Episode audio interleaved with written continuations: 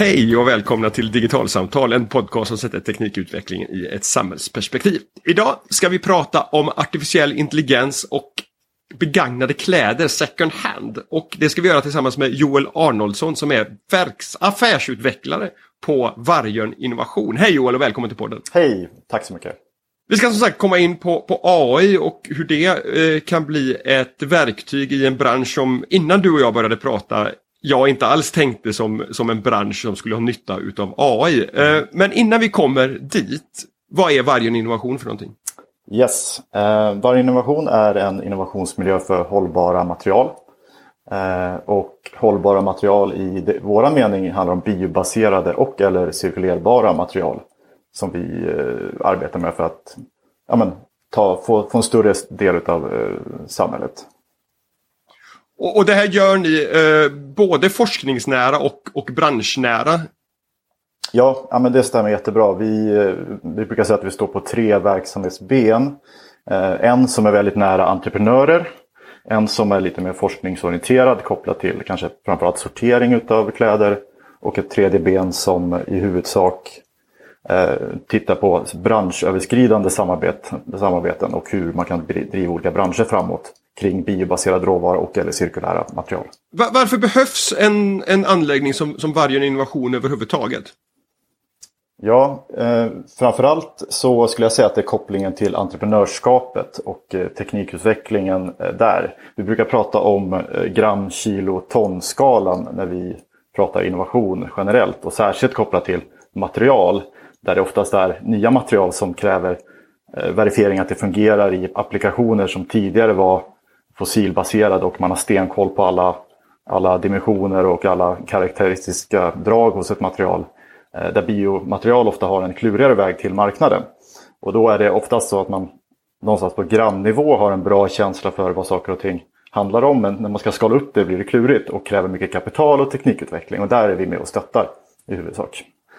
Men, men, det låter som att det, det, övergripande målet här på något sätt handlar om att, att minska, eller rättare sagt öka hållbarheten i textilbranschen i, i väldigt vid bemärkelse. Ja, eh, en vid bemärkelse, eh, absolut. Och det, det är grova drag, så ska man kunna beskriva det, ja. Vad, vad, vad finns det för klimat och andra liksom, hållbarhetsaspekter på klädindustrin, på textilbranschen som, som jag som lekman kanske inte tänker på? Nej, men för det första så står ju textilindustrin för en betydande del av världens utsläpp av växtgaser. Olika uppskattningar eh, det handlar om ja, mellan 4 till 8 procent av eh, de globala växthusgasutsläppen. Vi producerar runt 90 miljoner ton eh, fibrer per år och det är i huvudsak bomull, bomullsodlingar som är extremt vattenkrävande eh, eller polyester som oftast är fossilbaserat idag. Ehm, och särskilt då kopplat till den dimensionen återbruk och återvinning av kläder som är en viktig komponent. Så, eh, och idag kanske en underutvecklad marknad jämfört med den hyperindustrialiserade kedja som finns för nyproduktion tills att det når butik. Det finns väldigt mycket att göra eh, just med, just med att det är så stora liksom, miljöbelastning på att producera nytt. Och då, då, börjar vi närma oss det som, som du har berättat för mig om tidigare som jag tycker är så otroligt intressant. Ett, ett projekt som ni driver ihop med RISE eh, och med ett antal eh, second hand-aktörer, eh, större second hand-kedjor. Som, som syftar just till det här att, att öka möjligheterna att, att bedriva en, en väl fungerande second hand-handel. Det ska sägas att 2025 så kommer det ett eh, utsorteringskrav på EU-nivå och då ska vi samla in alla textilier i, i, i Sverige och Europa. Eh, idag ligger siffran på ungefär 35 procent så att det, det kommer kanske inte direkt ställas ut kärl och samlas in men någonstans så kommer volymerna öka markant. Och med dagens eh, industriella kapacitet så handlar det väldigt mycket om att man, man manuellt sorterar igenom kläder eh, för att kunna se om ett plagg är eh, återbrukbart eller om det ska gå till återvinning. Eh, och... och återbruk här handlar helt enkelt om att det går att sälja igen som det är, att någon kan fortsätta använda plagget. Och återvinning är att man tar tillvara råvaran för att skapa någonting nytt utav den. Yes, exakt. Och det ska sägas också att i, i den industrin som ändå finns där man när man lämnar in kläder i en binge på stan, eh, låt säga till Myrorna eller eh, Björk och Frihet eller någon annan aktör, Eh, så står ju liksom själva plaggen för 90% av värdet i den högen, till och med mer i dagsläget. Så det är det som får, får den apparaten att snurra. Så då är det också väldigt viktigt att man tittar på hur kan man effektivisera återbruksmarknaden eh, och sorteringen eftersom den manuella hanteringen är väldigt dyr och således finns utvecklingspotential i på ett kostnadssidan. Men, men när, när, du säger att, att det är plaggen som står för 90% av värdet, det, det innebär att, att det är väldigt mycket mer pengar att hämta på om du kan sälja jeansjackan igen än om du ska återvinna jeanstyget och göra någonting annat utav det. Är, är det det du menar? Det är det jag menar. Om man eh, tänker på hur mycket en jeansjacka kostar i, eh, om det är en, en bra kvalitet och, och, eh, och, eh, går att sälja igen i en second hand-butik så kan vi prata uppemot allt mellan 50 till 150 kronor per kilo om man uttrycker sig i sådana termer. Medan jämförelsevis om man ska återvinna fibrerna per kilo så är det ju nere på några kronor max. Så att det är en enorm differens som gör att man vill ur ett avfallstrappeperspektiv få återbruka så mycket som möjligt och inte bara återvinna. Just det. Och det här att du, att du nämner det som kilopris, det är inte en slump. För så har jag förstått det också i våra samtal innan. Att, att det är väldigt mycket så man idag handlar med second hand-kläder. Att, att man köper, det är som att köpa hemliga lådan på en loppmarknad. Du vet inte vad det är du får. Men det, du betalar ett kilopris för second hand-kläder och sen får du se vad du har fått. Precis, det, så fungerar det i alla fall när man eh, handlar mellan eh, olika eh, sorteringsanläggningar. Men förstås hos kund i en butik så är det ju per plagg. Men, men kedjan däremellan bygger oftast på kilopris. Ja. Och det som blir så spännande då här tycker jag är att det här blir ett, ett väldigt bra exempel på hur lagstiftaren kommer med nya krav på hur en hel bransch ska hantera sitt hållbarhetsaspekter i sin, i sin verksamhet men ställer inga krav på egentligen exakt vad det är som ska förändras mer än att ni ska återbruka, återvinna en mycket, mycket större andel utav era produkter än vad som sker idag. Mm. Vilket i sin tur då driver ett innovationsprojekt som det som du nu ska berätta om som, som ni kör på, på varje innovation som använder artificiell intelligens och datorseende för att utvinna det faktiska värdet ur det här, de här plaggen som, som lämnas tillbaka. Exakt. Vi eh, jobbar ju, alltså egentligen är det ju väldigt enkelt om man tittar på det. Vi har en människa som bedömer ett plagg. Är det här återbrukbart eller inte? Och bara det att man, en, en, en person, i alla fall i, med nordiska löner, eh, plockar upp plagget så har kostnaden för det överstigit nyttan i många, många plagg eftersom anta att vi har tio plagg som dyker upp. Vi kan återbruka två av dem men tio utav dem kommer återvinnas, eller åtta utav dem kommer återvinnas. För, för varje plagg då så blir det ju fyra plagg som man inte kan eh, ja, men som man inte kan återvinna då, eller återbruka. Så det blir väldigt dyrt. Och då är det ju frågan, kan en dator göra samma bedömning? Eller kan den göra en liknande bedömning som en människa? Och hur kan man ersätta den mänskliga bedömningen? Och det är någonstans det vi, vi, vi strävar efter i det här projektet. När du säger vi, vilka är det som jobbar ihop här? Exakt, det är vi, eh, Varje Innovation, eh, som projektleder. Vi eh, samarbetar med tre divisioner på RISE, eh, Svenska forskningsinstitutet. Eller ett av Sveriges forskningsinstitut ska kanske sägas. Eh, där dels är det ett AI-gäng som är med och tittar på just algoritmerna. Eh, vi har eh, ett gäng som tittar på design av systemet och människa-maskin. Hur ska det fungera som ett beslutsstöd åt, eh, åt liksom sorteraren och den professionaliteten. Eh, och en tredje del kommer titta på just miljönyttan i ett sånt här system i ett senare del av projektet. Så att hela vägen är tanken att projektet ska, ska fungera från den, den faktiska sorteringen och hur man kan stötta den med hjälp av AI upp till ett systempåverkansperspektiv. Yep. Är det någon nytta med att hålla på på det här sättet? Exakt.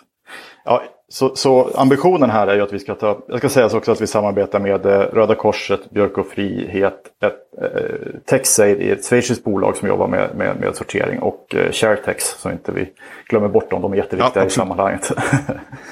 um, men eh, exakt, så ambitionen är helt enkelt att vi ska ta jättemånga bilder på plagg. Och så ska vi annotera dem enligt, eh, enligt AI-gängse normer och eh, därefter kunna dra slutsatser på om ett plagg är slitet. Eh, om det är skador finns det eh, andra, andra faktorer som kan påverka att man inte ska återvinna det och att man automatiskt kan se det genom att man då använder det som facit mot en, ett nytt plagg som man vill bedöma i den här stora databasen vi vill producera. För, för de som inte är jättebevandrade i AI-terminologi Joel, vad innebär att annotera bilder? I eh, korthet så tar man en, en, bild och så skapar man ett facit i princip. Eh, man eh, lägger upp en, ett plagg på ett bord. Man säger att okej, okay, men det här, det, här, det här plagget är grönt. Det är en, en annotering. Det här plagget är, eh, har det här märket, det här, den annoteringen. Det är nopprigt, det är den annoteringen och så vidare. Som gör att nästa gång det kommer ett grönt plagg som är, uppfyller sju eller åtta av de kriterierna.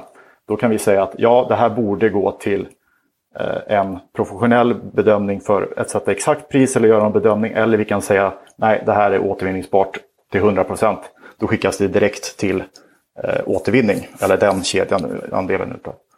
Utav...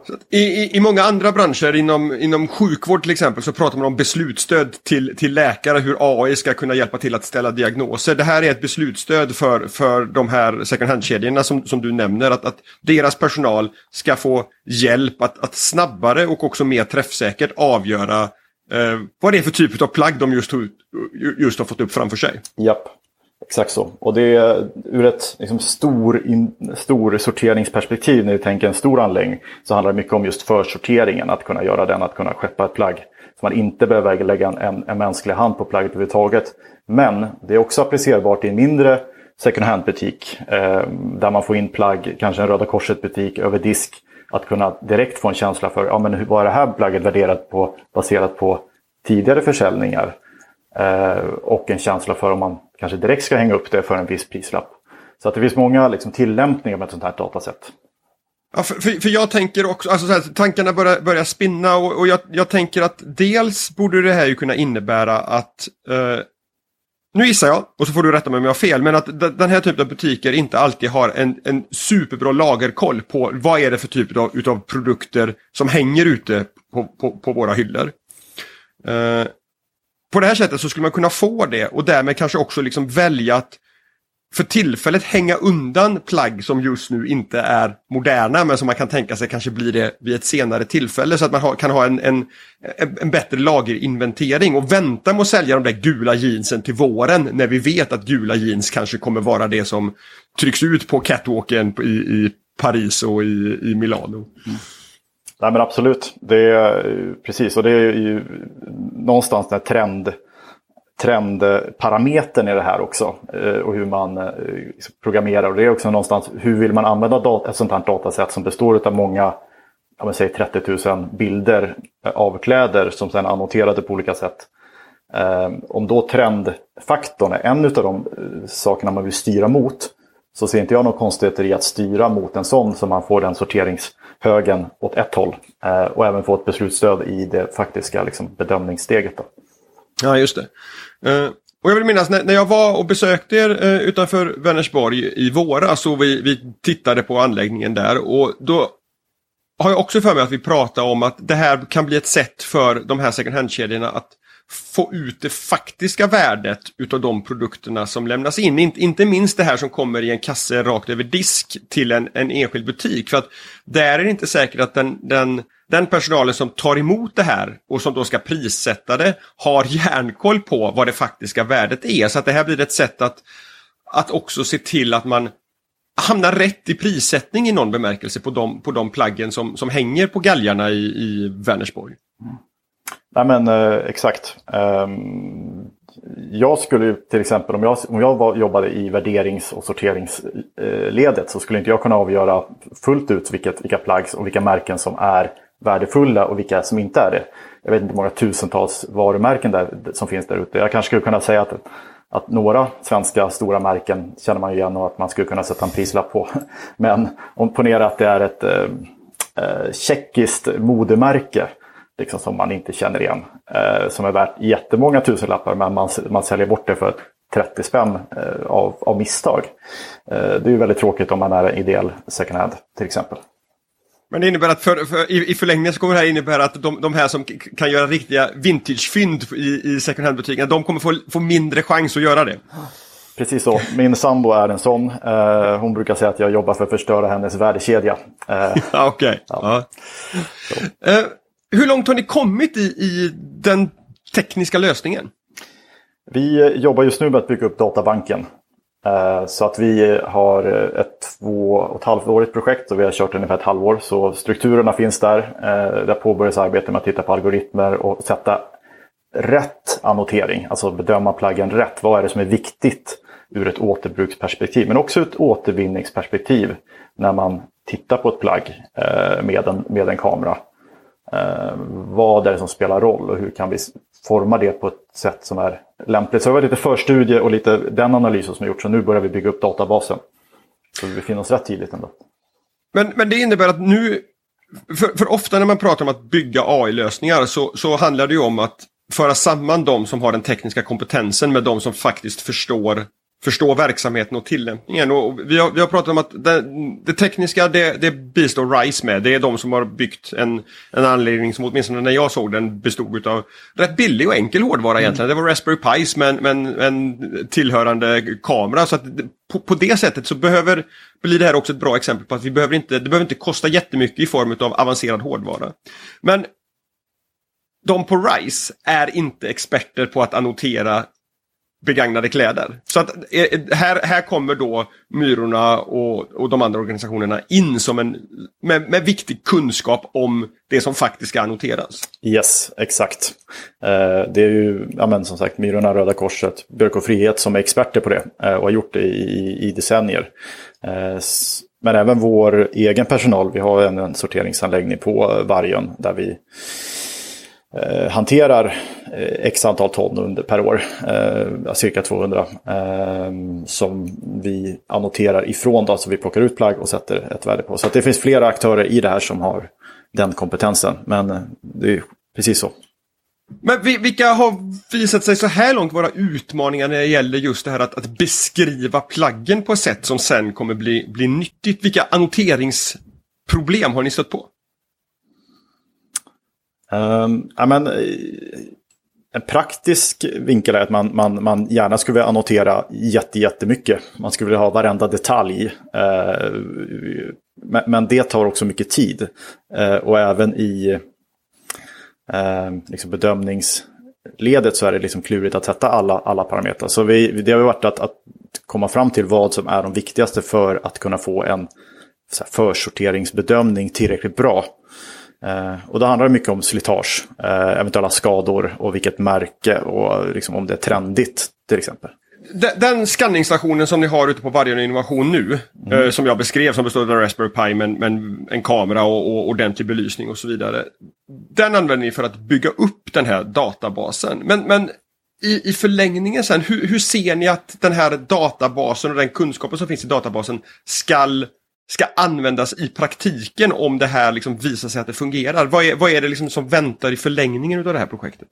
Ja, men, eh, det är två huvudsakliga liksom, applikationer. Där. Den första är ju kopplat till just återbrukssorteringsanläggningar. Om man tar TechSaid som är med i projektet, de sorterar 50 000 ton, ja, uppemot den volymen i, i, i sina anläggningar i Schweiz.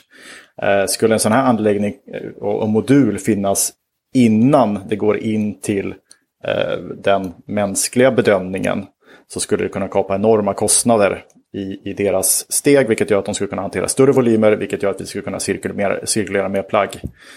Eh, så det är ena delen, eh, så återbrukssorteringen. Den andra är ju återvinningen, där man idag har det kommersiellt tillgängliga fiber detektionsutrustningen där man tittar på vilket fiber som det här innehåller, om det är bomull eller polykotton eller polyester. Eh, och en AI skulle ju i teorin kunna rensa bort plagg som inte går att detektera som är av en materialtyp. För det är lite, en liten utmaning i just den nischen då. Att plagg som, förstår, som består av flera lager kan kontaminera en återvinningsvolym om inte de försvinner ur återvinningen. Eh, så att det ah, finns okay, flera. Så då, då, då, behöver du kassera alltihop ifall några, något enstaka sånt plagg kommer med in i den fraktionen? Ja, om tillräckligt många gör det, ja. Då, ja. då kan det inte fungera hos återvinnarna sen. Så då finns en AI-dimension i att kunna plocka bort eh, jackor och, och kavajer och annat. Eh, och det är också en, en, en, en komponent i det här som är, är värdefull och skulle kunna underlätta för framtidens återvinning också. Just det. För, att om man, för, för, för då är du inne på kostnadsbesparingar här och, och kvalitetssäkring i, på ett antal olika sätt i den här hanteringen av de här återvunna kläderna. Och det loopa tillbaka då tänker jag till de här nya kraven som du säger kommer från 2025. Att det här handlar ju också om att på något sätt, ja det, det, blir en förväntan på textilbranschen att bli bättre på att återvinna och återbruka de produkterna som de har släppt ut på marknaden. Mm. Men då krävs det också att det, att det går på ett ekonomiskt sätt att faktiskt se till att den här cirkulära ekonomin kommer igång och då blir de här AI-verktygen en viktig del i det. Är, är det liksom så, så, man kan tänka på systemperspektivet här? Ja men exakt så, du fångar det helt rätt. Eh, det är framförallt, om man tittar på liksom den cirkulära flöden från det att det lämnar butik och kanske lämnar någons garderob och lämnas in i en, en binge. Så är det just liksom insamling, det är sortering och sen är det liksom relevant återvinning eller återförsäljning. Eh, återvinningen och återförsäljningen de, ja, lite förenklat, de funkar. Man, man pratar med återvinnare som är up and coming. Renewcell är ett stort svenskt bolag, Södra, eh, som återvinner. Eh, de vill bara ha rätt volymer. Så någonstans, och, och insamlingen å andra sidan, lite förenklat är det bara att ställa ut bingar och samla in. Och, och där är mer konsumentbeteende.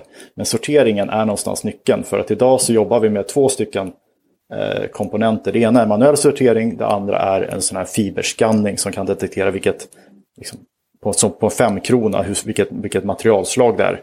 Och de två räcker inte för att kunna sluta cirkeln kostnadseffektivt, utan det måste till att en förfining av sorteringen som är jätte, jätteviktig.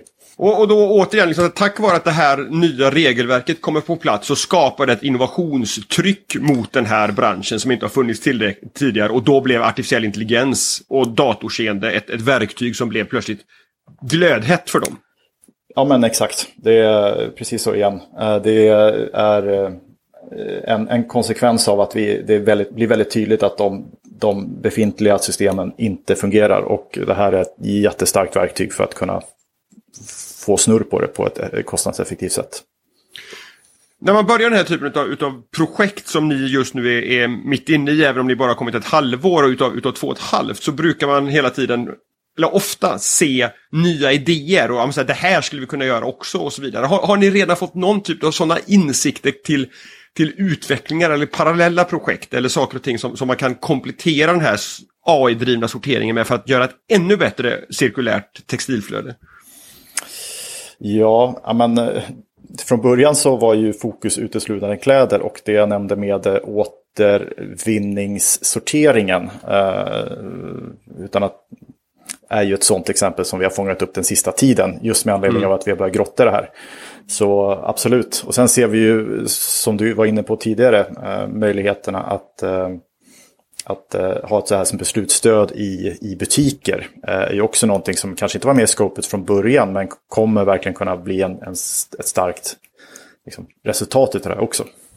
Vad, vad, skulle det beslutsstödet i butik kunna användas till då? Är, är det det som vi var inne på tidigare, det här med att, att sätta rätt pris? Eller ser ni andra liksom, tänkbara tillämpningar också? Ja, men det är huvudsak det. det. Någonstans kommer det ner till pris. Eh, om, om det är för lågt så är det ingen poäng att sälja det och lägga tid på plagget.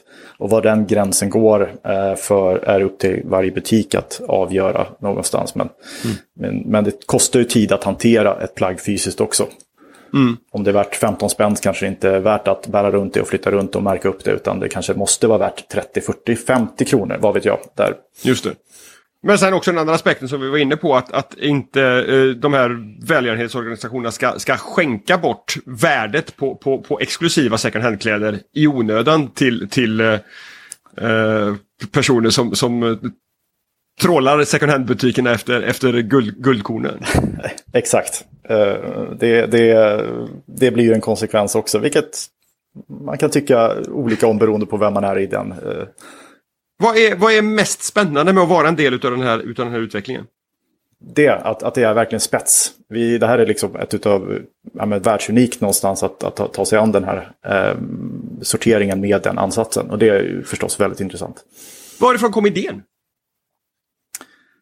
Eh, vi körde ett projekt som, eh, ett större projekt där det var ett 20 30-tal företag med där vi byggde upp varje innovations eh, sorteringsdel då, eller sorteringsben. Eh, och där var det här en av idéerna som poppar upp just för att ta utvecklingen till nästa steg.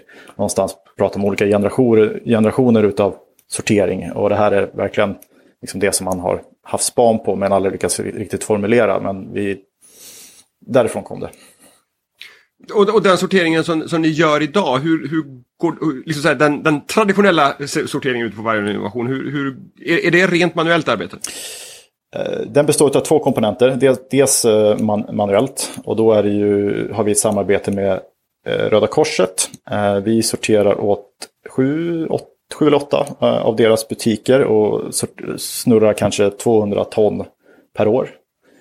Och det är en rent kommersiell tjänst som ni, som ni säljer då helt enkelt? Ja, precis. Ja. Eh, precis. Eh, och det, dealen där är att vi kan ha möjlighet att jobba tillsammans med Röda Korset och andra entreprenörer eh, att innovera på det, de volymer som inte kan återbrukas. Så det är liksom en del utav det.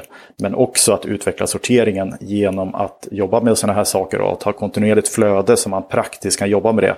Det är lätt att man blir ett projekt liksom, specifik med en, mm. med en liten insats annars. Så här har vi ett kontinuerligt flöde som ger oss fördelar.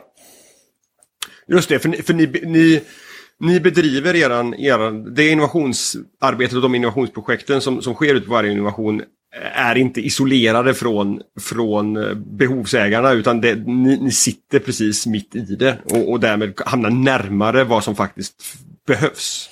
Ja, men det är någonstans det som är ansatsen med just den komponenten hos oss. Att vi har den fysiska anläggningen med de flödena. Att det blir mer praktiskt och på riktigt. Eh, och att eh, vi tror att det är en fördel i, i, i sammanhanget. Men också att om man tar dem, det finns ett par anläggningar i Sverige och ännu större på kontinenten, att, att stoppa driften för att göra sådana utvecklingsprojekt är ganska dyrt. Eh, mm. Och kan vi vara en, eh, ja, någonstans en rd anläggning för utveckling av sorteringsfrågor som vi bedömer en, en av nycklarna för en framtida cirkulär textilindustri eh, så är det mycket värt. Joel, stort tack för att du tog dig tid att prata om kläder och datorseende och en cirkulär textilekonomi i Digitalsamtal. Mm. Stort tack!